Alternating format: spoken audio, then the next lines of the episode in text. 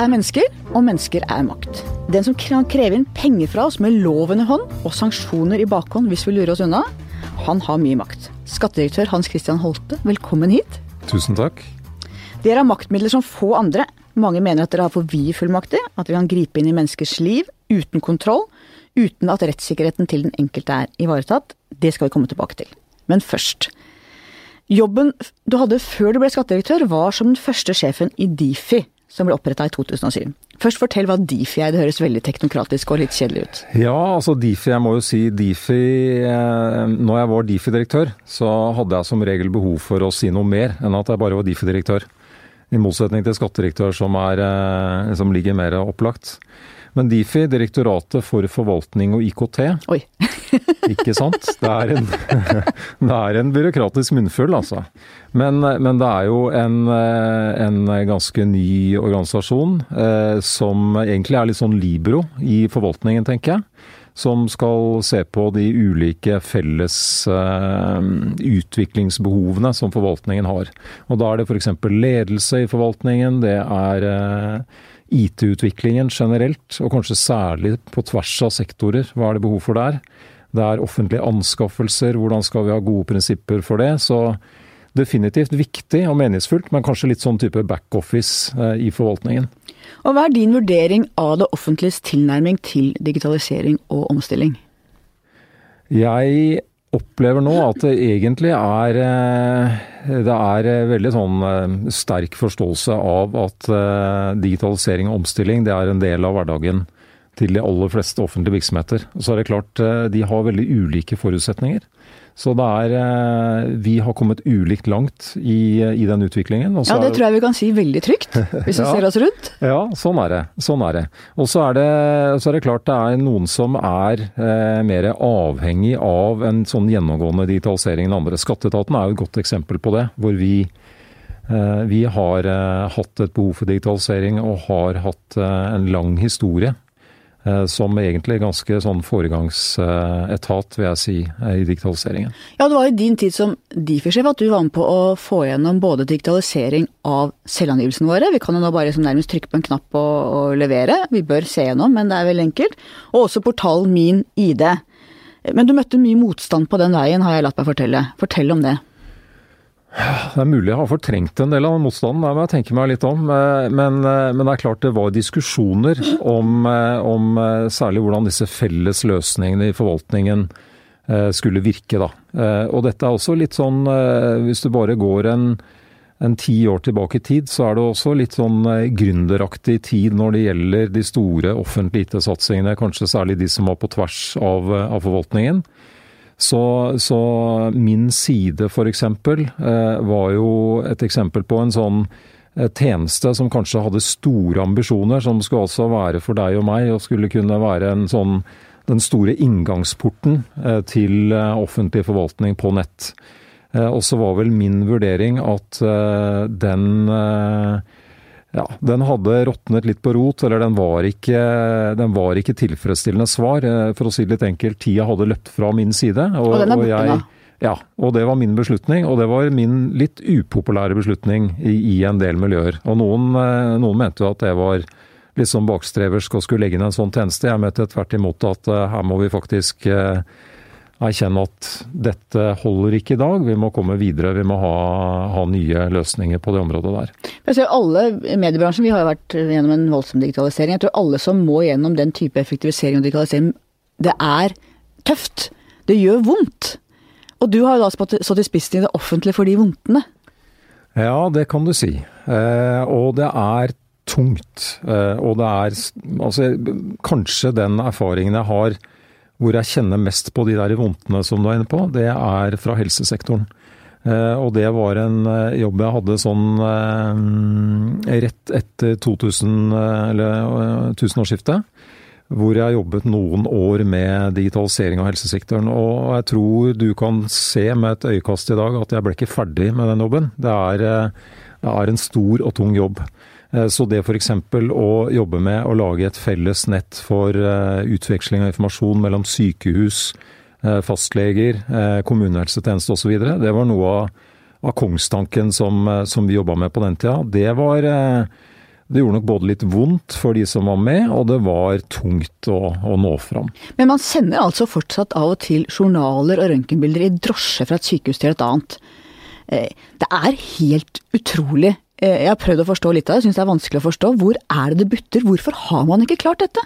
Det er eh, Jeg skjønner godt den der eh, litt sånn uh, uvirkelige følelsen når du, når du, kommer med sånne eksempler. Hvordan er det i det hele tatt mulig? Men det er uh, Jeg vil kanskje si at det er særlig to ting. Det ene er uh, at det er jo veldig stor oppmerksomhet omkring sikkerhet, pasientsikkerhet. Altså at det ikke skal være innsyn i data om deg og meg som pasienter.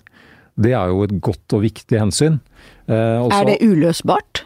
Nei, på ingen måte. Det er ikke uløsbart. Eh, men det er allikevel eh, sånn at det kanskje både har vært en reell eh, bremse for å, å, få disse nye løsningene. Altså det er noe med at du kan ikke bare ta de mest lettbente, åpenbare løsningene og si at ok, vi bruker dette her, fordi det ikke er sikkert nok.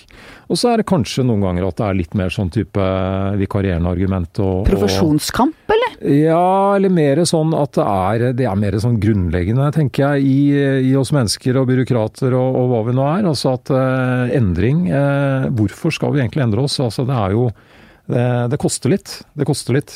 På den annen side, jeg tenker jo i min verden så tenker jeg ikke at folk som jobber i skatteetaten er så veldig mye mer fremoverlent enn de som jobber i helsevesenet. Nei. Som typer? Eh, nei. Men, men, der må jeg bare si, altså, for det første, det var mange ildsjeler i helsevesenet som virkelig ønsket å få, få til gode digitale løsninger også. Eh, men jeg tror nok noe av historien der er også at det er, eh, det er tunge systemer å jobbe i. Og det er det er en sektor med få klare styringslinjer, hvis du ser på helheten. Du har eh, hele, hele, fastlegesystemet som på en måte er, er enkeltstående små enheter, og du har eh, sykehusene og du har sant, kommunene. sånn at det er Det er umulig å styre, rett og slett? Det er ganske vanskelig styrbart, da, for å, for å si det sånn. Men, men, til skatteetaten så må jeg jo si at jeg hadde jo den Eh, litt sånn usikkerheten da jeg kom til skatteetaten for snart fem år siden. At jeg, ok, hva møter jeg her? Eh, jeg reiste rundt og møtte folk rundt omkring i Norge. Revisorer, eh, skattejurister, folk på ulike nivåer i ulike deler av organisasjonen. Og da må jeg si jeg ble, jeg ble overraska, og kanskje det er det som imponerte meg og overrasket meg mest som fersk skattedirektør, var den derre Eh, endringsviljen og endringsevnen som er møtt ute i hele organisasjonen. Så, så skatteetaten er egentlig jeg eh, må jo si det. Det er eh, kanskje det mest endringsvillige, endringsdyktige miljøet jeg har møtt i det offentlige. Og det, er, det syns jeg også er litt, litt imponerende i en virksomhet som er nesten 7000 mennesker, og som har sant, eh, tradisjoner tilbake til slutten av 1800-tallet og osv. Så, videre. så har du Nav, helsevesenet, politiet og andre som jo har eh, må kunne si det, mislyktes ganske dramatisk med noen av sine digitaliseringsprosjekter. Hvorfor går det så ofte galt? Det er eh, for det første sånn at vi, vi Jeg tror vi blir litt klokere underveis og får til får til stadig mer, da, eh, for å, for å ta den positive siden av det. Eh, noe av grunnen til at det har gått galt i en del av de større sånn IT-prosjektene, du nevner politiet og du nevner Nav osv., jeg tror det er at det har vært for mye sånn type nå gjør vi moderniseringen.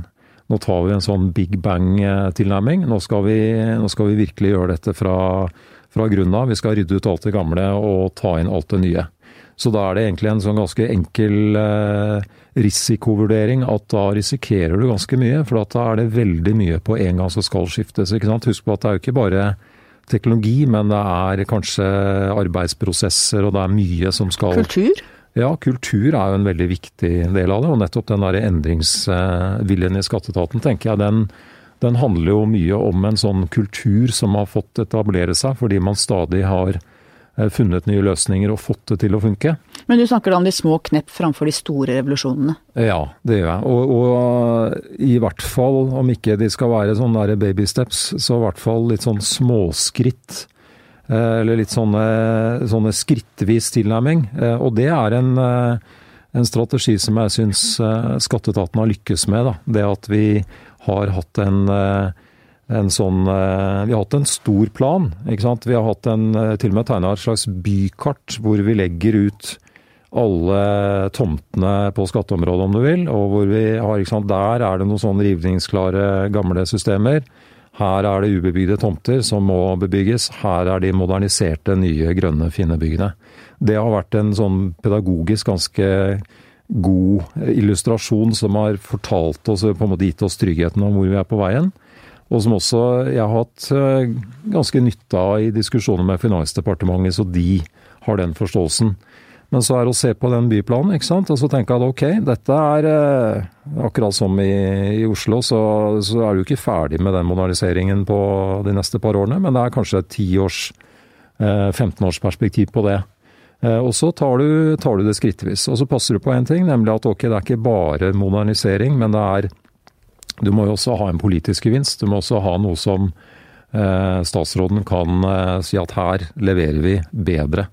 Så det å liksom pakke Må sørge for statsrådens skryt, rett og slett? Ja, du må, eller du må rett og slett eh, vise at du også får en eh, bedre skatteetat. Da, og la sola skinne litt på statsråden. Ja, det er aldri dumt, det. Det er min erfaring. og det, det gjelder jo her og det. Ja. Jeg hadde besøk av mm. Julie Hanna, som er en av gründerne i Silicon Valley eh, for en stund siden. Og hennes, Hun har drevet masse startuper, og hennes filosofi var at hvis du virkelig stanger, så må du skalere ned. Ikke putt på flere folk, putt på færre, for da får du et mye skarpere fokus. Og det er det motsatte som har skjedd i det vi ser med Nav og politi og helsevesenet, at de har dunka på og dunka på med flere konsulenter, mer ressurser, og det går mer og mer gærent. Men la meg bare si det. Jeg, jeg syns ikke tida er inne nå for å snakke ned verken Nav eller politiet. Altså, fordi eh, nå får eh, både Nav og politiet får til mye nå. Eh, Nav har virkelig beveget seg de siste, kanskje særlig de siste par-tre åra. Eh, så der er det nettopp eh, mer lettbeint utvikling, mer å ta det litt sånn gradvis. Eh, så jeg har, jeg har trua på disse store virksomhetene også. Det får til Det samme gjelder egentlig politiet. Det har vært noen, vært noen tunge år sånn IT-utviklingsmessig, det kan vi være enige om. Men De måtte jo legge ned hele merverdiprogrammet sitt, som har kosta hundrevis av millioner av kroner. Ja, og, og, uten at jeg har vært sånn dypt inn i det, så er det i hvert fall sånn tilsynelatende, la meg bare ta det forbeholdet, men tilsynelatende så er jo det kanskje en illustrasjon på det jeg var innom i stad. En litt for sånn bred, tung modernisering. Nå gjør vi, nå gjør vi alt dette på en gang, og så, og så skal vi modernisere fullt ut. Men nå, nå, er også politiet over på noe som er litt mer sånn, sånn skrittvis. Men Har man vært for opptatt av å bygge innomhus og for lite kjøpe hyllevare? Altså Har det vært eh, for mye egenproduksjon når man skal finne opp eh, kruttet på nytt? Nei, jeg tror kanskje ikke det er, er hovedproblemet. Jeg tror, det, jeg tror, nok det er litt mer størrelsen på ting. Altså eh, flere av disse store som eh, Nav og politi og sånn, de har jo også tung eh, bistand fra eksterne konsulenter og sånn, så det er på en måte ikke Det er kanskje Ja, det, det kan alltid diskuteres, men, men min, min, sånn litt enkle analyse, da, det er at det er mye knytta til rett og slett størrelsen og planleggingen, og, og hvordan du da bare ta skatteetaten. Har, eh, det er jo bøtter og spann eh, av ting som jeg fortsatt gjerne vil digitalisere og utvikle i skatteetaten, men jeg veit jo det. At eh, jeg må være litt edruelig, ha litt magemål og tenke at ok, dette får jeg til neste par årene, dette får jeg til de neste fire, osv. La oss snakke litt om deg. Du har vokst opp på Greverud, rett utenfor Oslo. Fortell om oppveksten din. Greverud er jo et par mil utafor Oslo. Et ganske sånn eh, rolig sted, vil jeg si. Det er litt sånn eh, Litt kjedelig, eller? Ja, kjedelig. Altså, det er, eh, det er litt sånn bondeland og litt skog og, og um, Det er eh, ganske trygt og, og, sånn. Og det er, det er jo også skal, du, skal, du oppleve noe da, som ungdom eh, på Greverud, så er det jo, det er jo byen som dette. Det er jo å dra inn til byen, ikke sant. Og byen er jo Oslo. Eh, sånn at eh, det er jo det å komme seg på toget inn til byen, og så være rundt i byen, og så kanskje prøve å komme seg på siste toget hjem. Det er Siste toget hjem er en sånn eh, viktig del av ungdomstida på, på Greverud. Faren din, hva drev han med? Han var professor i sosialøkonomi. Han underviste på Landbrukshøgskolen på Ås. Og skrev lærebøker. En klassisk professortype som kunne være distré. Kunne finne brilleetuiet hans i kjøleskapet, ikke sant. Sånne ting. Men det var allikevel han var jo mye til stede for oss. Vi var, vi var tre søsken som vokste opp i, i, familien min. Da, og, og, du er lillebror? Jeg er litt sånn oppåklatt. Ja. Bortskjemt, eller? Ja, det De store vil kanskje mene det? Det kan tenkes. Det kan tenkes. Ja, jeg hadde det i hvert fall bra, jeg. Så, så nei, og Fritz, eh, faren min, han var eh, han var jo da mye Jobba mye hjemme. Så, så mitt bilde av han er jo at han sitter i sofaen i stua med papirene sine og en sånn gul Koinor-blyant og sitter og skriver og, og holder på. Så han eh, hans jobb var på en måte en del av, eh, del av hverdagen da, hjemme på Greverud. Og moren din, hva drev hun med? Hun eh, var eh, opprinnelig sosionom, og så tok hun psykologiutdannelse når jeg eh, var, eh, gikk på skolen. Og så ble hun psykolog og dro til, eh, dro til, Da var det ikke så lett å få psykologjobber sånn rundt Oslo, så da dro hun til, til Narvik med faren min på slep når jeg var sånn 18 år. Eh, så som 18-åring så ble jeg da forlatt hjemme med hus og bil og full fryser. Det var egentlig ganske greit. Ja, det må ha vært helt eh, fantastisk. Ja, det var, var, det litt skummelt da, eller var det bare fint? Nei, det var bare fint. Det var, var det mye fester fint. på Greverud da? Eh, nei, det var ikke mye fester, men uh, Veldig ansvarlig 18-åring, da? Ja, det, ja det, det, var, det, var, i hvert fall ikke veldig mye, mye, fester, altså. Det var ikke det. Hvem av foreldrene tenker at du ligner mest på? Han som type? Ja, jeg tenker at det er en, eh, en, eh, en blanding. Altså, jeg, jeg, tror nok at uh, Det er kanskje noe stahet der, etter faren min. Det kan godt tenkes. Eh, og så er det nok eh, kanskje mer en sånn musikkinteresse som nok kommer mer fra moren min. Også, så det er nok litt sånn eh, litt sammensatt. Moren min har jeg jo fortsatt. Hun, hun bor på Greverud. Ja, for du drev jo med viser i visegruppa Visulf. Det høres jo veldig sånn myk mann 70-tallsaktig ut, egentlig? Ja, det var jo Det var jo litt sånn eh, blanda eh, for meg som eh, sånn 14-15-åring. Eh, jeg lærte å spille gitar eh, av en kar som var noen år eldre, og han var med i denne visegruppa Visulf da. Dette var jo litt sånn mens visebølgen var eh, i ferd med å ebbe litt ut, ikke sant. Dette var Det var ikke helt inn? Nei, det var ikke helt inn, da. dette var rundt 19, 1980 der omkring, kanskje. slutten av 70-tallet, begynnelsen av 80-tallet. Og jeg var ikke Og når du er 14-15 år, så er du heller ikke så veldig sånn selvsikker og trygg nødvendigvis. Jeg var i hvert fall ikke det. Eh, så eh, når jeg gikk der med gitaren min til Visulf, så var det litt sånn flaut. Eh, det verste som skjedde der, var jo at han, han ene som var i visegruppa, han var også journalist i Østlandets Blad, lokalavisa der ute. Og han fant ut, han tok et bilde mens vi øvde og sånn, han fant ut at han skulle lage en reportasje. Det var det var bare sånn journalistisk, kanskje litt sånn halvveis redelig, for han konstruerte et intervju med meg. Uh, det tror jeg er verre enn halvveis redelig, altså. Kunne fort klaga inn til PFU, Pressens ja, utvalg. Ja, ikke sant. Uh, og jeg visste ikke så mye om PFU da, tror jeg. Og da, da lagde han et intervju med meg, og det verste var jo da at han i, i munnen, altså i, De ordene han la i munnen min, var bl.a. at vi skulle begynne med korsang i Vidsulf, og det så jeg veldig fram til og sånn. Og det, det var ikke så greit, altså. Det, det var litt sånn. Men, men det som Wisulf ga meg, det var jo også noen noen ålreite opplevelser som uh, å spille gitar og, og, sånn. Jeg er veldig glad i musikk. Ja, Så ble det jo rockebandet Takras etter hvert. Det var kanskje litt mer inn i tida, eller? Takras var jo, uh, var jo litt greiere å drive med. Var jo, da var jeg på, på ungdomsskolen og videregående. Eh, det, som alle rockeband så ble det jo et uh, oppbrudd og musikalsk uh, uenighet og sånn, og det, det, Jeg gikk ut av bandet, og de fortsatte. Det var bare snakk om hvor kommerset skulle vi være. Og Hvilken linje sto du på?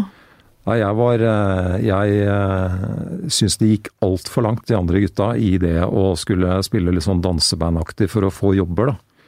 Så jeg husker, jeg husker en av den låta som, eh, som eh, fikk begeret til å renne over for meg. Bruddlåta, rett og slett? Bruddlåta som eh, førte til en hissig diskusjon, særlig mellom trommisen og meg, hvor jeg gikk ut. Og det var, det var Grand Prix-låta som England hadde en eller annen gang på slutten av 70-tallet, som het Hands Up med Hands up, baby, hands up, give me your ja, love. takk. Ja, takk. Det var den låta der. Ja, ja, ja, Du trenger ikke å Trenger ikke å rippe opp i det. Det var den låta. Da tenkte jeg ett sted går den grensa. Og det, det, jeg står for den, altså. At det var, men i hvert fall, det var, det var en kort karriere i takras med en sånn litt um, kul Ovation, uh, halvmåneformet svart uh, elgitar som jeg hadde mye gøy med en, en, kort periode. Men så har jeg kost meg mer med gitarspilling sånn, sånn på hobbybasis uh, seinere. Mest viser eller mest rock nå? Ja, nå er du kommet er... til visealderen igjen, egentlig? Ja, det kan gjerne være en vise, altså. Det er, eh, det er trivelig, det. Du har sagt i et intervju at boka 'Chimney Rock' av Charlie Smith satte farge på livet da du trengte det mest. Hva skjedde i livet ditt mens du leste den boka? Ja, det har jeg kanskje sagt. Eh, det var, det, var ingen, det ligger ikke noe sånn dra, veldig dramatikk i det. Eh, men det var nok en litt sånn Eh, kanskje en litt grå periode hvor jeg var eh, Jeg var ganske nyutdanna. Jeg hadde jobba litt som konsulent eh, en periode. Jeg tror jeg Ja, jeg var, jeg var litt sånn Litt på søken kanskje på flere måter, egentlig. Og ikke etablert. Jeg hadde Ja, jeg jobba i konsulentbransjen. For så vidt nytt nyttig. Lært om sant, digitalisering og organisering og mange av disse tingene som jeg har hatt nytte av som eh, i det offentlige seinere. Eh, men jeg kjente vel sånn innerst inne at det er jo ikke dette jeg skal drive med. Altså det var litt, eh, litt der. Meningen med livet, på en måte? Ja, litt sånn. Hva er det du bruker I det minste, altså hva er det du bruker livet ditt til, da. Nå går, nå går jo um, disse åra, og da ikke sant, du er eh, Da var jeg vel i midten av 20-åra eller noe sånt. Og tenkte at det var um, ja, litt sånn søvnig eh, periode. Og så leste jeg denne boka 'Chimney Rock', som var litt Har du lest den? Du, Nei, jeg har ikke. Nei. Nei, så den er eh, litt sånn overspent eh, skrevet, eh, bevisst tror jeg, av han Charlie Smith, da, som, som, på en måte legger legger perspektivet inn i en sånn Hollywood-skuespiller. Og da blir jo alt veldig stort, og det er masse følelser og masse dramatikk og sånn i den boka. Og den, den traff meg skikkelig, da. Det var, eh, tenkte jeg, herregud, livet er så mye mer, tenkte jeg da. Og da tok du noe valg, eller? Ja, det kom i hvert fall eh, ikke så veldig lenge etterpå. Det gjorde det nok. Du valgte samfunnsfag som din vei, men endte etter hvert opp med mer teknologi. Og du skrev hovedoppgave om sammenhengen mellom teknologisk utvikling og politisk styring av telesektoren. Hva tenker du om samspillet mellom politikk og teknologi? Eh, sånn som det er nå, så tenker jeg at eh, eh, det, som, det som, teknologien i hvert fall gjør, det er å det er å utfordre en del sånne kanskje litt sånn etablerte både strukturer og, og sannheter om hvordan samfunnet fungerer. Så, så, bare på det området som som gjelder skatteetaten, så er det noe med at det kommer Teknologien driver fram nye forretningsmodeller.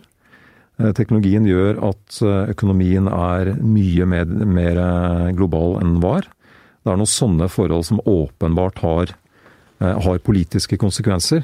Er politikerne nok på? Forstår de det som skjer rundt oss akkurat nå, og den framtida vi er på vei inn i? Jeg kaller det et ledende spørsmål. Ja, men, jeg vet det.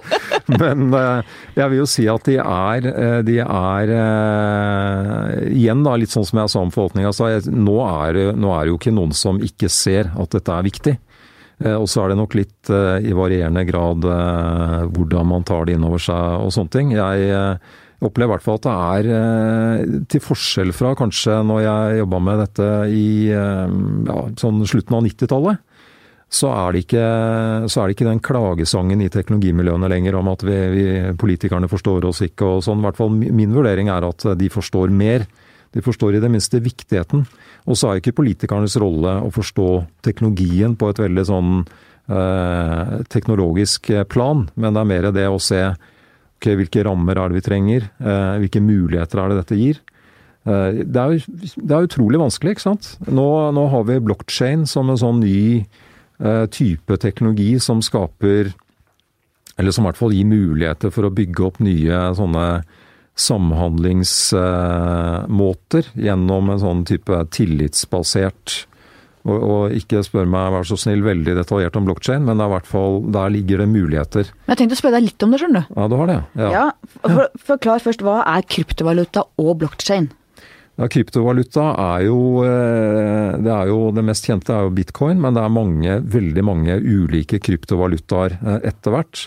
Eh, de har blokkjede som en sånn litt underliggende basisteknologi som, som, nettopp sikrer tilliten ved bruken av denne, denne valutaen. Du får hvert ledd i transaksjonene ja, sporbart? Du får det sporbart. Nærmest avtalefestet, om du vil.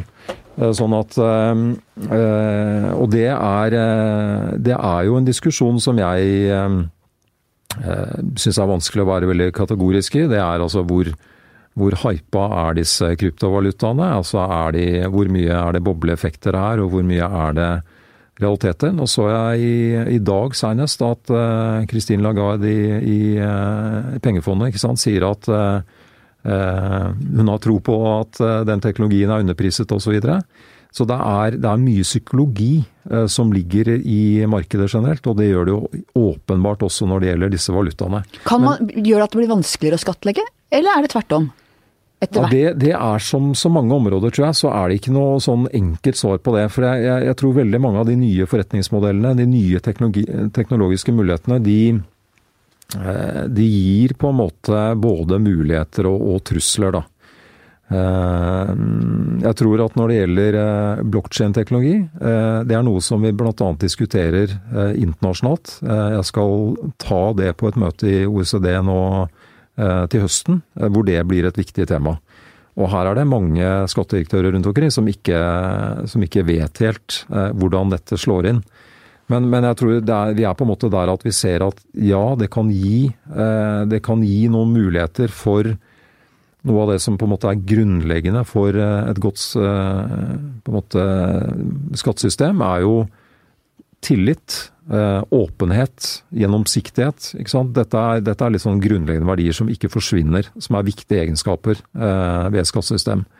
Eh, der tror jeg blokkjede kan tilføre noe, ved at det kan både bli, både bli tillitsbasert, en del av den, de transaksjonene som går, også vår sporing av de transaksjonene.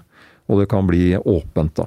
Ja, du... Men jeg, jeg, altså som sagt, eh, nå snakker jeg på et veldig sånn eh, litt sånn akademisk overordna plan, så, så, jeg vet forsvinnende lite om eh, hvor nær vi er i praksis da, til å finne løsninger her. Men hvis du ser på kapitalismen, så er en, noe av utfordringen med globaliseringen er jo at mens du har nasjonalstyring, noe regionalstyring gjennom EU, men veldig mye er innenfor nasjonalstaten, så har kapitalismen beveger seg på et internasjonalt, globalt nivå, hvor du ikke har de styringsmekanismene. Man kunne jo se for seg at kryptovaluta, blockchain, faktisk gir en mulighet til å regulere og kontrollere kapitalen mer på det globale nivået enn det vi kan gjøre i dag? Eh, ja.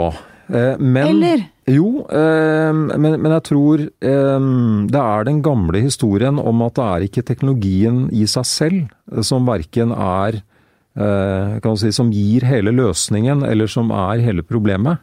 Eh, men det er, eh, det er, på en måte det helt sånn grunnleggende. Eh, vil amerikanerne, russerne og nordmennene det samme når det gjelder dette? Klarer vi å finne fram til felles modeller for hvordan dette skal implementeres? Men man har jo på et vis mangla verktøyene, og man kan vel tenke seg at teknologien gir et verktøy som gjør det mulig, i hvert fall, å få til noe på et overordnet politisk plan? Ja, jeg tror, jeg tror, det som teknologien, noe av denne nye teknologien kan gi, da, det er sporbarhet. Hvis vi gjør det på riktig måten. Det er en sånn viktig egenskap. ikke sant? Og Hvis vi ser på Panama Papers, Paradise Papers, disse store lekkasjesakene, så var jo, så er jo den, den litt sånn eh, klassiske problemet med internasjonal økonomi og skattlegging har jo vært skatteparadiser. Eh, og da særlig kanskje hemmelighold eh, og den delen av, eh, av dette. Sånn at eh, det, blir, det kan kanskje bli vanskeligere hvis vi løser, eh, hvis vi løser dette på, på riktig måte. For du har jo nå utfordringa med de store selskapene. Det sies at den norske Google-direktøren betaler mer i skatt enn hele Googles operasjon i Norge, hvor de tjener nesten to milliarder kroner. Betalte vel nesten knapt to millioner i skatt siste år, Google-selskapet, mens Google-direktøren Norge kanskje betaler mer i skatt enn det. Det er jo noen paradokser der. Og vi kan jo ikke ha det sånn at de store globale gigantene eter seg inn, tjener penger her, betaler ikke skatt. Hva kan vi gjøre med det? Ja, Dette er jo, dette er jo mange som, eh, som klør seg i huet på for tiden. For dette er jo noe som også norsk næringsliv og, og norske media eh, treffes veldig, veldig, hardt av, eh, egentlig. Eh, og, og, så dette er jeg i, i, diskusjoner om både her i Norge og, og internasjonalt. Og det er Um, igjen da, så tenker jeg det er ikke noen sånn uh, veldig enkle fasitløsninger. Uh, Britene har jo prøvd seg med en avtale med Google hvor de fikk inn 1,6 milliarder kroner. Ja, ja, jeg, jeg og syns... Kan store selskaper forhandle seg fram til sitt skattenivå? Og der, der, der, er du inne på noe som jeg syns er problematisk. Fordi det er, jo, det er jo rett og slett en utfordring for den likebehandlingen som ligger som en sånn basis i skattesystemet også. At vi kan ha såkalte sweetheart deals da med Eh, med de store selskapene, som kanskje den britiske avtalen er et eksempel på. Så jeg er i utgangspunktet veldig skeptisk til å inngå den type avtaler. Det er jo litt sånn som når eh, Starbucks eh, bestemmer seg for å betale av egen fri vilje en, en, viss sum i beskatning til England, for de ser at forbrukerne er så kritiske til hva de, hva de skatter. ikke sant? Det er, jo en, det er jo ikke noen løsning eh, som ligger i, i, den veien der. Ja, Skatt er en plikt. Vi kan ikke, det skal ikke være veldedighet til staten. Det er en plikt de faktisk må levere på. Ja, det, er, det må jo Nå kjente jeg skattemoralisten i meg ja, ja. fram. Ja, men det er fint. Det er fint. Nei, men det må jo nesten være utgangspunktet, tenker jeg. Og, og da er det snakk om hvordan er det vi får til eh, de prinsippene. Altså hvilke prinsipper skal vi Eh, ha internasjonalt som vi kan være enige om, og som vi så kan jobbe hardt for å implementere. Og, og prinsippet som internasjonal beskatning bygger på i dag, som utfordres av disse teknologigigantene, det er jo nettopp det at eh, det er snakk om eh, å skattlegge hvor verdiskapningen skjer. Eh, og det har vært knytta til fysisk tilstedeværelse.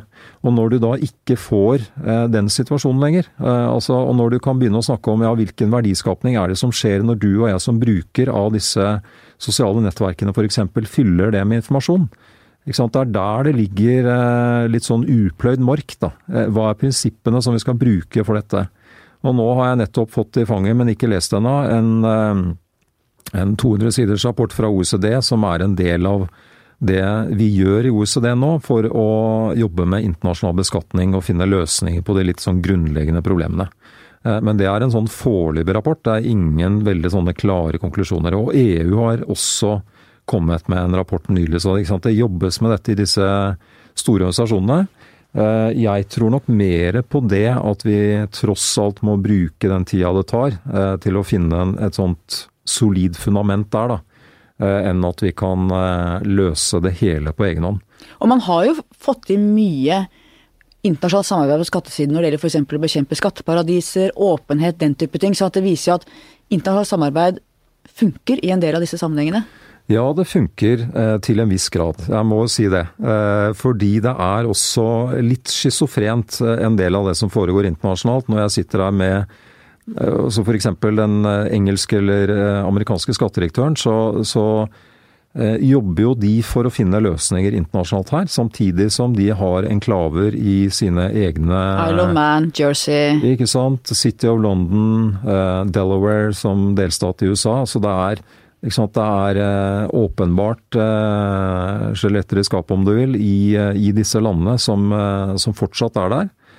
Luxembourg det, er, altså, det, er, det, er, mye som, som, ikke er helt enkelt og rett fram, selv om vi da sitter rundt bordet og, og, og, diskuterer løsninger. Så dette er, er litt sånn Jeg opplever nok at det går framover, og at det er en konstruktiv vilje.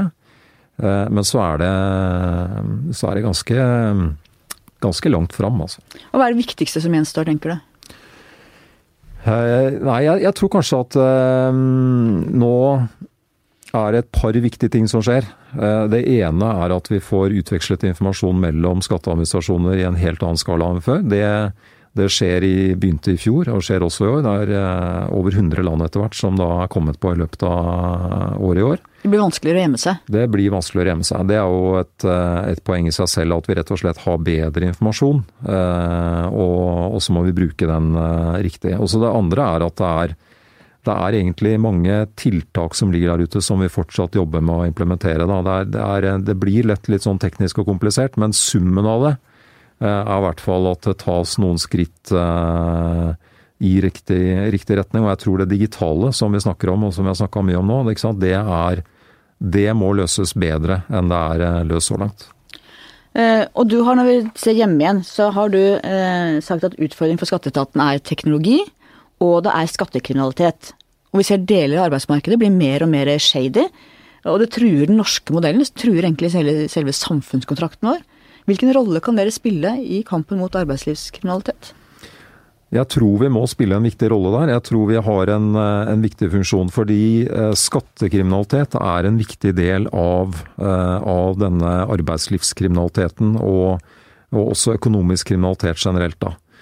Så, så mm, det er som du sier, jeg tror, jeg tror, det er en virkelig stor trussel mot både samfunnsoppdraget som skatteetaten har, Eh, altså Vi svekker jo legitimiteten til, eh, til eh, vår rolle og, og, skattesystemet generelt, hvis det er åpenbart at det er store svarte sektorer i Norge som ikke bidrar inn, inn her. Så, så, det er et så alvorlig problem at vi må bruke mye ressurser på den delen. Jeg tror vår rolle det er, det er altså å angripe det fra vår side, men Eh, i veldig tett samarbeid med andre deler av det offentlige. Dette er virkelig et område hvor jeg tror at det offentlige vil, eh, vil måtte eh, jobbe veldig tett sammen. Politi, Nav? Politi, Nav, tolletaten, skatteoppkrevere, skatteetaten. Det er, det er mange her som, som er viktig for å, for å jobbe med dette her. Er det samarbeidet godt nok i dag? Det er, eh, det er, veldig bra, syns jeg. Det er mye bra som skjer. Jeg kan alltid Jeg tror ikke vi er Det er ikke godt nok i betydningen at vi, har, vi er slagkraftige nok samla sett. Eh, det, det, er vi ikke. Men eh, disse arbeidslivs... Disse a-krimsentrene som har kommet, er et bra tiltak. Vi må få til en bedre informasjonsutveksling mellom disse etatene. Da er vi inne på en sånn klassisk avveining mellom eh, personvernhensyn og de behovene vi har for å faktisk kunne jobbe effektivt sammen. Eh, så, så det, ligger, det, ligger, noen sånne, sånne ting her. Men, men jeg syns vi har kommet ganske langt. Eh, og jeg tror det er Jeg tror som sagt hvis ikke vi hadde jobbet så tett sammen, hatt en felles vurdering av hvor utfordringene ligger og hvilke tiltak vi trenger, da er det lett for eh, kriminelle og bakmenn å shoppe og, og, og, og, bruke systemet mot hverandre sånn. Så bl.a. det at vi har kobla sammen eh, viktig informasjon med, med Nav og, og, SSB, den såkalte A-ordningen som sender eh, data fra arbeidsgiversiden eh, inn til oss, det gjør at det er vanskeligere å ta den derre eh, at du, du, du svindler mellom Nav og skatteetaten, og at du da eh, svindler til deg arbeidspenger, men, men heller ikke betaler skatt. Så det, er, det, ligger noen, det ligger mye i det nasjonale samarbeidet. Og Hva er den største risikoen sånn som du ser det, ved skattesystemet vårt sånn som det er skrudd sammen i dag? Er store spørsmål. Jeg tror vel kanskje at jeg vil peke på, på A-krim som ett det er én stor risiko. Nei, det er jo jeg må, ikke, jeg må, jo kunne si mer enn én ting. Ja, så, det er lov. Så det er, jo, det er jo kanskje tre som jeg vil peke på. Det er det internasjonale som vi var innom, som jo er stadig viktigere. Det er, det er skattekrim. Og så er det det som ligger i det digitale som er en risiko. Det er jo også eh, det at eh, vi ser nye forretningsmodeller som vi må Det er jo ikke nødvendigvis ikke løsbart, men vi må løse det. Type Airbnb og delingsøkonomien? Nettopp, nettopp for eksempel. For da, når vi ser at vi får andre typer arbeidstakerforhold, eller det vil si det blir ikke det klassiske arbeidsgiver-arbeidstaker, Eh, da må vi se ok, hvordan påvirker det eh, vår eh, evne til, til, å være en god skatteetat. For vi har jo bygget mye av det som vi har fått til på nettopp at arbeidsgiver faktisk gjør en veldig stor del av jobben for oss med forhåndsbeskatningen og, og innrapportering osv. Så, videre. så når det leddet, når den støttespilleren blir på en måte mindre viktig, da, i den nye økonomien, så må vi se ok, men hvordan møter vi f.eks. disse plattformselskapene og, og, og, får til noe av det samme der. Så har du en plan? Jeg har i hvert fall eh, helt klart ambisjoner om å jobbe, og det må også skje internasjonalt. Da. Det er ikke noe vi løser på, på hjemmebane, men det er en viktig del av det internasjonale arbeidet. Jeg har inntrykk av at du elsker offentlig sektor. Eh, og så langt jeg vet, så har du valgt bort lukrative alternativer fordi det offentlige er det som frister deg. Fortell om din kjærlighet til norsk byråkrati.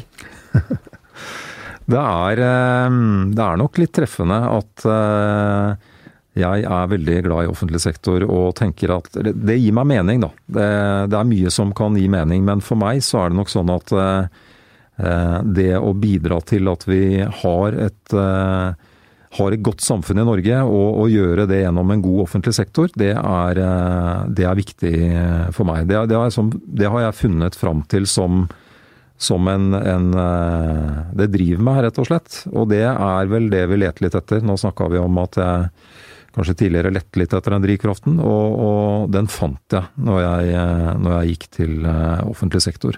Så det ja, det er vel kanskje litt med, med hva jeg har med meg fra oppvekst og, og verdier hjemmefra sånn også, det, tenker jeg. Men, men det er i hvert fall for meg er det er Det er meningen med livet? Det, med jobblivet, da. Med jobblivet, ja, med jobblivet. Ja. La, meg, la, meg, si det. La meg si det. Så det er, det er eh, Ja, det er jo fortsatt eh, Eller det er jo hele tida noe, noe, å streve på med der, ikke sant. Det er mye man kan kritisere det offentlige for, men, men jeg syns i hvert fall at det er, eh, det er virkelig meningsfylt, altså. Og det som er, det er, det er så mange folk som i grunnen har den innstillingen, opplever jeg. Norge har et, norsk, et veldig godt byråkrati, det tror jeg man må kunne slå fast. Ja, det er, det er, det er min vurdering òg. Ukorrupt, mm. flinke folk. Absolutt. Som Absolutt. ser en mening i det. Ja. Det norske hus, vi må snakke om Det norske hus. Ok. du ble ansatt i det som ble Fornyingsdepartementet da Torbjørn Jagland ble statsminister i 1997.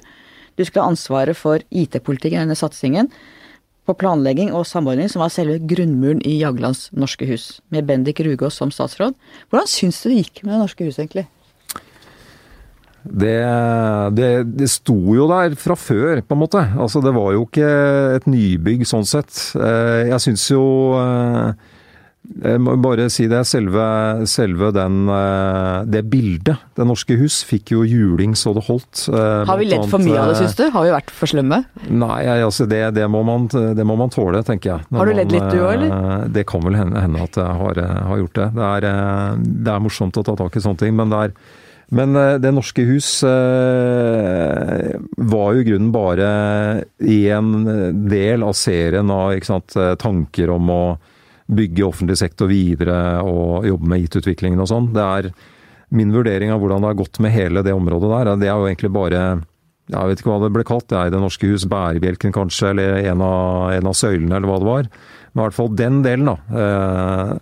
Den har gått med noen tilbakeslag så har det gått uh, framover. Det, det, har å gjøre med modningen av hele, hele feltet, tenker jeg. Så det er, eh, det er eh, mer liv laga nå enn det var, og det er bedre enn noensinne, tross alt. Du hadde også ansvar da, for Norges digitale overgang til år 2000. Dommedagsprofetiene som florerte. Jorden skulle gå under, det var ikke måte på. Hvor mye av det var reelle problemer, og hvor mye var det grådige konsulenter som hypa opp for å tjene penger? Det var eh, definitivt begge deler. Det, dette er jo sånn typisk sånn eh, område hvor jeg får lyst til å, å stadig korrigere historien. For det, historien er jo at det var en hype, at det var en flopp, at det ikke var noe, eh, var noe store greie. Men det som eh, eh Jeg har jobbet veldig mye med dette fra 98 til, til 2000. Eh, og for meg så var det en veldig sånn todeling, to faser, i det arbeidet der. Fordi den første fasen, den var våkne opp. Ikke sant? Det var, jeg hadde ansvaret for eh, å koordinere dette i det offentlige, eller i, i staten. Eh, og det å vekke, eh, vekke små statlige virksomheter, kanskje særlig, liksom det, det, det, kan være et problem, da. Og det kan sitte i heiseanlegget deres eller i kjøleanlegget deres, selv om dere tror dere har oversikt over det, de administrative systemene på PC-ene. ikke sant? Um, så det var den der vekkejobben. Og i den perioden så var det jo veldig åpenbart at mange fikk øynene opp for at uh, her er det mye som kunne ha skjedd hvis vi ikke hadde gjort denne jobben her. Og så kom den andre fasen, og det var den uh, litt mer sånn uh, ta det med ro. Vi har, nå har vi jobbet med dette en stund, og dette kommer ikke til å gå helt, helt åt skogen. Dette er, dette er håndterbart, og vi tror vi har god kontroll. Og da var det jo Særlig de siste månedene. Da var det jo virkelig litt sånn eh, dommedag og, og hamstring av hva hvis, hva hvis vannforsyningen og elektrisiteten forsvinner osv. osv. Men eh, min vurdering var jo når vi nærmet oss tusenårsskiftet at eh, jeg hadde trua på at dette skulle gå bra. Eh, og eh, så gikk det, jo, gikk det jo veldig bra. Eh, I Norge og i de aller fleste land så, så gjorde de jo det. Men det hadde vært ganske store problemer hadde den jobben eh, ikke vært gjort. Og så var det litt antiklimaks, da, la meg si det. Det å sitte der på, på nyttårsaften 1999 eh, og, og spille PC-golf og, og, følge med på det som skjedde, det var, det var rolig. Så, men at det var noe hype også, og at mange konsulenter tjente gode penger særlig det siste året, det er, eh, det er heller ingen tvil om. Hva lærte du om sårbarhet gjennom den prosessen? Vi lærte mye, tror jeg. Det er kanskje noe av det som, eh, som virkelig sitter igjen fra den perioden. Er, og, og, og Willochs sårbarhetsutvalg kom jo like, like etterpå. Og, og, det at norske ledere i forvaltningen fikk øynene opp for at teknologien sitter jo mange steder. Den sitter jo egentlig eh, og er ganske virksomhetskritisk for de aller fleste, selv om ikke de tenker på seg selv som eh, teknologivirksomheter. Så det var, det var, på en måte oppsiden, tenker jeg, da, at det kanskje vekket eh, norske ledere en del når det gjaldt eh, teknologi. Og hva er det av den biten man ikke har gjennomført fortsatt? Altså hvor sårbare er vi nå? Du tenker strøm, internett, vannforsyning, trafikklys. Lærte vi nok? Har vi en god nok beredskap når det gjelder disse tingene i dag? Eh, den beredskapen må vi utvikle hele tida. Eh, og, og, det er jo nye trusler som kommer. Eh, nye Det er jo alt Eller det er jo både det som dreier seg om stater og andre aktører som, som blir stadig mer avanserte i sine cyberangrep osv. Og, så og da er den generelle sårbarheten eh, knytta til hva hvis systemene går ned og, osv. Men, men jeg sitter inne i et sånt eh, utvalg som har ansvar for å se på hvordan vi organiserer oss og regulerer oss på IKT-sikkerhet i dag. Og min vurdering er vel at her er, det, her er truslene økende. Fordi teknologien er blitt så kompleks og det er så, det er så mye som er avansert. Eh, så mm, korte svaret er vel nei, vi er ikke gode nok. Vi må bli bedre på dette her. Hvor ser du den største faren? Nei, det er eh, Det har jeg egentlig ikke noe godt svar på. Det, det er mer en sånn total uh, vurdering at det er mange steder som uh, hvor dette er viktig for det norske samfunnet. Og det er vel kanskje sånn, heldigvis, da, at de mest sentrale aktørene, de som virkelig har ansvaret for den mest kritiske infrastrukturen osv., de er også de som er best på å beskytte seg og, og virkelig ha god kompetanse på dette området. Eh, en sårbarhet som ligger her, er rett og slett eh, kompetansen vi trenger å ha i det norske samfunnet. Det er ikke nok eh, folk som utdanner seg til dette området. Det er en, det en akilleshæl som, som ligger der. Mm. Der må det skje ting. Ja. Jeg er åpent med å si at dere setter folks rettssikkerhet i, i fare. Eh, dere har noen verktøy og noen fullmakter som ingen andre har, uten at de har domstolskontroll ved det. Og mange opplever det som en overmakt. Eh, vi var nylig sammen du og jeg på et seminar om rettssikkerhet i møte med skatteetaten, der det ble trukket fram flere eksempler på saker som har versert i mange tiår, og hvor skattyteren til slutt fikk rett, og dere har tatt feil, men det fikk ikke noen spesielt alvorlige konsekvenser for for dere. Hva tenker du om borgernes rettssikkerhet i møte med en mektig etat som den du leder? Jeg tenker jo at det er, eh, det er eh, ekstremt viktig at vi, eh, at vi, opplever at vi oppleves at vi virkelig tar den rettssikkerheten på, på alvor. Den er viktig den er en helt avgjørende sånn rettesnor for oss, at den rettssikkerheten skal ivaretas. Og jeg tror vi trenger det kritiske søkelyset på oss hele tiden, som vi opplevde på dette seminaret blant annet. Du fikk mye juling? Eh, jeg eh, Det var ikke bare sånn jeg oppfatta det. Det var en, en, eh, en, frisk diskusjon, da, for å si det byråkratisk og, og litt sånn mer balansert, da. Men, men jeg, jeg, opplevde at det var sterke tilbakemeldinger. Og så, så imøtegikk jeg noe av dette som jeg også mente ikke var riktig. Så det var rett og slett en diskusjon om noen av disse temaene. For jeg mener jo at det er, det er flere hensyn vi må ivareta her. Vi skal sørge for rettssikkerhet og likebehandling. Eh, og vi skal ta veldig på alvor den maktposisjonen vi har som etat, og hvordan vi kan gripe inn i andre Eller altså eh, menneskers liv i Norge eh, på, på, ganske eh, merkbart eh, og, og, brutalt vis. Det er ekstremt viktig at vi er ydmyke eh, når vi utøver den rollen der. Eh, og det, det, er noe som vi må jobbe med hele tiden, og hele tiden som sagt sjekkes eh, for eh, at vi gjør. Men så er det samtidig sånn at vi ikke kan, kan unnlate å ta i, i saker, og, og, ta opp saker som vi mener virkelig fortjener en, en behandling. Og det er jo kanskje særlig i møte med, med Eh, enkelte eh, større aktører på næringslivssiden og sånn, så kan det være saker som da ender opp i rettssystemet. Eh, av og til er det riktig og nødvendig å få prøvet saker i, i det sporet også. Av og til er det kanskje mer en, en vurdering av hvilket regelverk man skal ha som, som, som, også ligger der. Ja, for Den andre siden av dette er jo at mektige aktører hyrer inn de flinkeste advokatene som kan trenere og legge humper i veien for dere òg. Og der kan det også være et ujevnt maktforhold den andre veien. Og dere har tapt noen viktige saker de siste årene. Er det en håpløs kamp, eller er det for at dere er for dårlige? Jeg eh, mener ikke det er en, eh, en håpløs eh, kamp. Og, man kan jo spørre seg altså er det en kamp, men det er i hvert fall sånn at vi må gjøre den jobben. Vi må ta tak i de store sakene. Vi må peke på der vi mener det er alvorlige svakheter, hvis vi ser det, i hvordan vi klarer å utøve vår rolle og sikre en sånn type likebehandling. Eh, og, og, jeg tenker at det er, eh, det er riktig at vi vi har tapt noen saker. Det er heller ikke nødvendigvis feil. Men jeg vil også si vi lærer mye av de store sakene vi har vært igjennom. Og det jeg kan si også, det er jo at den lærdommen skal vi jo bruke, eh, så vi er bedre eh, i framtidige eh, situasjoner. Det betyr ikke bare å være bedre til å vinne en sak. Det betyr også å holde et tempo i gjennomføringen av en sak.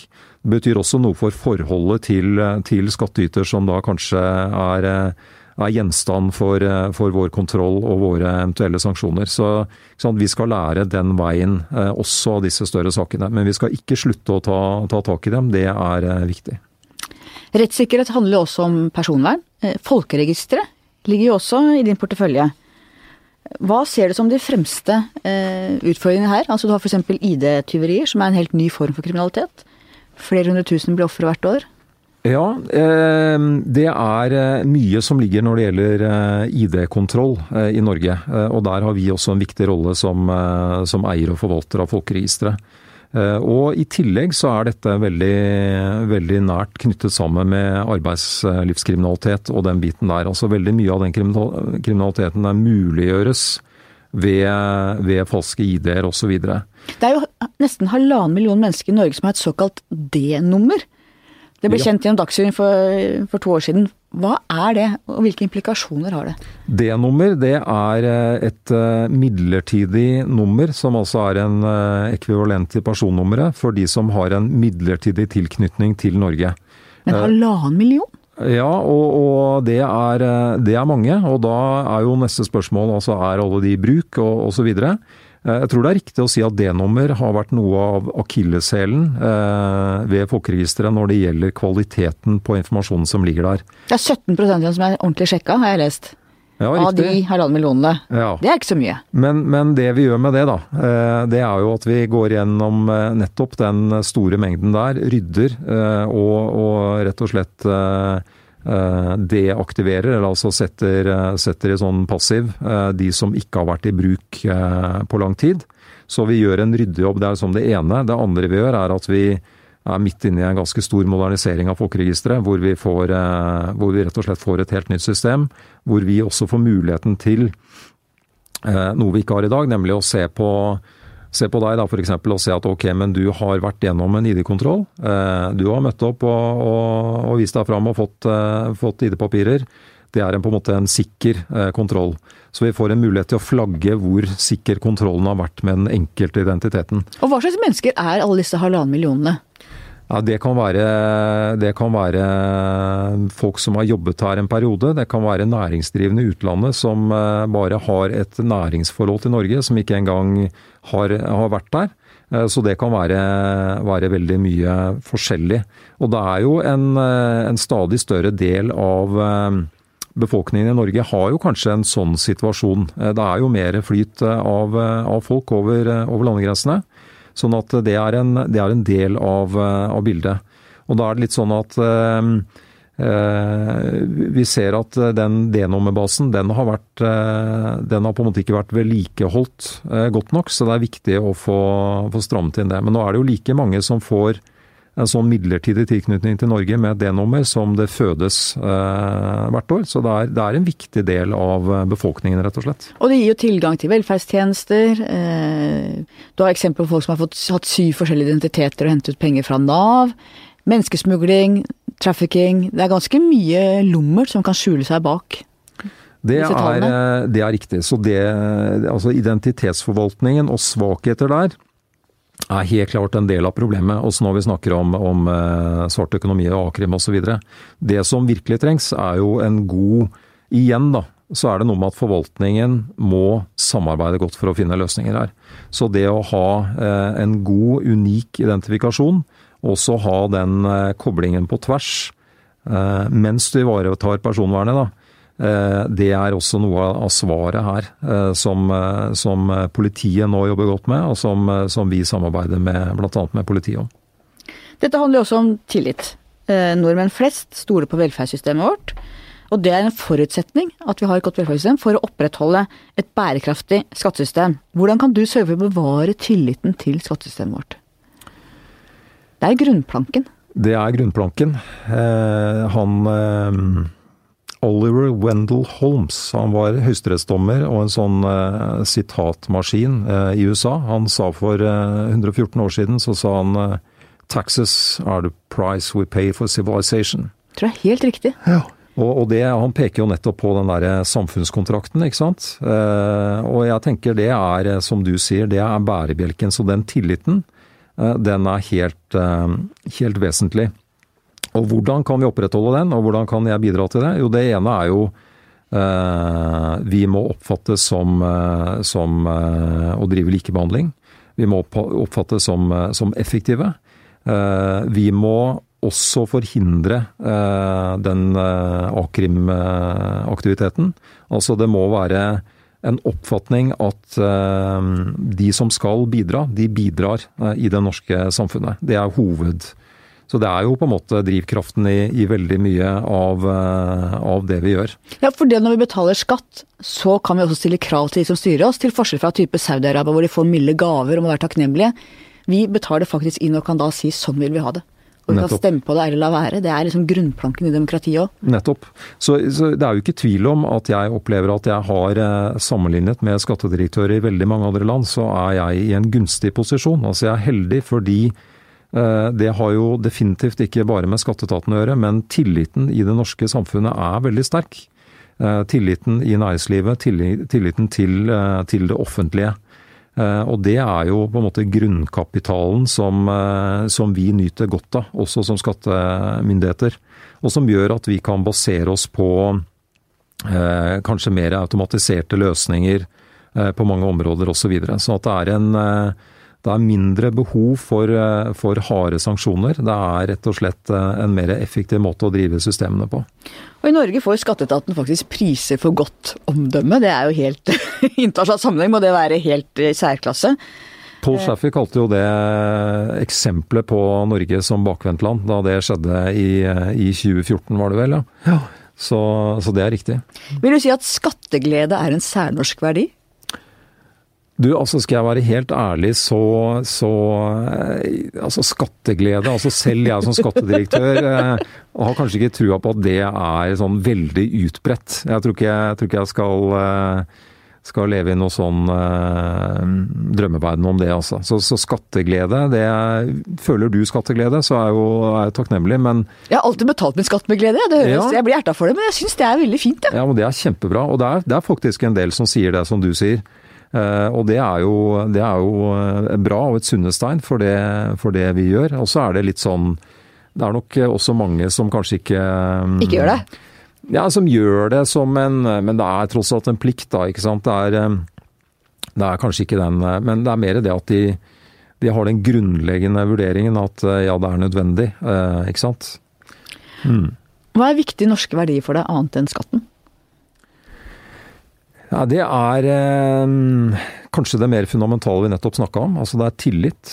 Det er eh, åpenhet. Eh, egentlig en sånn trygghet som jeg opplever i eh, eh, i eh, ordskiftet stort sett osv. Det er eh, ja. Også, også det egalitære ved det norske samfunnet syns jeg er en, en stor styrke. En stor styrke i min virksomhet også, ikke sant. At det er ikke et veldig strengt hierarki, eller det er ikke Jeg tror det den Altså de, de tingene henger sammen. Eh, Det egalitære og også den tilliten og åpenheten som, som ligger der. Så det, det gjør at det er godt å både bo og, og jobbe i Norge, syns jeg. Og hvordan ser du religionens plass i det norske samfunnet? Nei, den er, jo, eh, den er jo definitivt i endring, og det har jo skjedd, eh, skjedd mye med det norske folks eh, forholdet til statskirken f.eks. De, eh, de eller siden, siden jeg vokste opp. Eh, Jeg var jo blant eh, de få som ikke hadde en konfirmasjon da jeg, da jeg kom i den alderen. Nå tror jeg det er sånn rundt 50-50 borgerlig konfirmasjon og, og, og kirkelig. Så det er ett utviklingstrekk. Og så er det klart et annet er, er innvandring og, og den brytningen som er mellom ulike, ulike religioner. Så det, det er jo, en, eh, det er jo en, eh, en del av den generelt, den kulturelle brytningen, tenker jeg, som vi har, eh, har i det norske samfunnet. Du konfirmerte deg ikke. Tror du fortsatt ikke på Gud? Jeg har ikke en, en veldig sterk gudstro, nei. Jeg har ikke det. Tror du på et liv etter døden? Jeg gjør vel egentlig ikke det. Når det er over, så er det over. Jeg tenker at vi får gjøre det beste ut av det nå som vi, nå som vi er her. Til slutt, mitt faste spørsmål. Hva skal bli historien om deg? Hans Christian Holte, det var han som Ja, det er vanskelig, altså. Men, eh, men eh, da tror jeg jo rett og slett eh, sitere en klassisk eh, Det aller verste låt fra rundt 1980, tror jeg, som eh, Altså Han var bare en vanlig fyr som eh, av og til var litt spesiell. Det er det tenker jeg er greit, eh, greit ettermæle. F.eks. det at jeg må drikke én liter skummamelk om dagen. Altså Det er noen særheter som ligger der. Men eh, stort sett en vanlig fyr. Tusen takk for at du kom. Takk til deg som hørte på. Takk til researcher Grete Ruud og vår faste produsent Magne Antonsen. Vi høres igjen neste uke.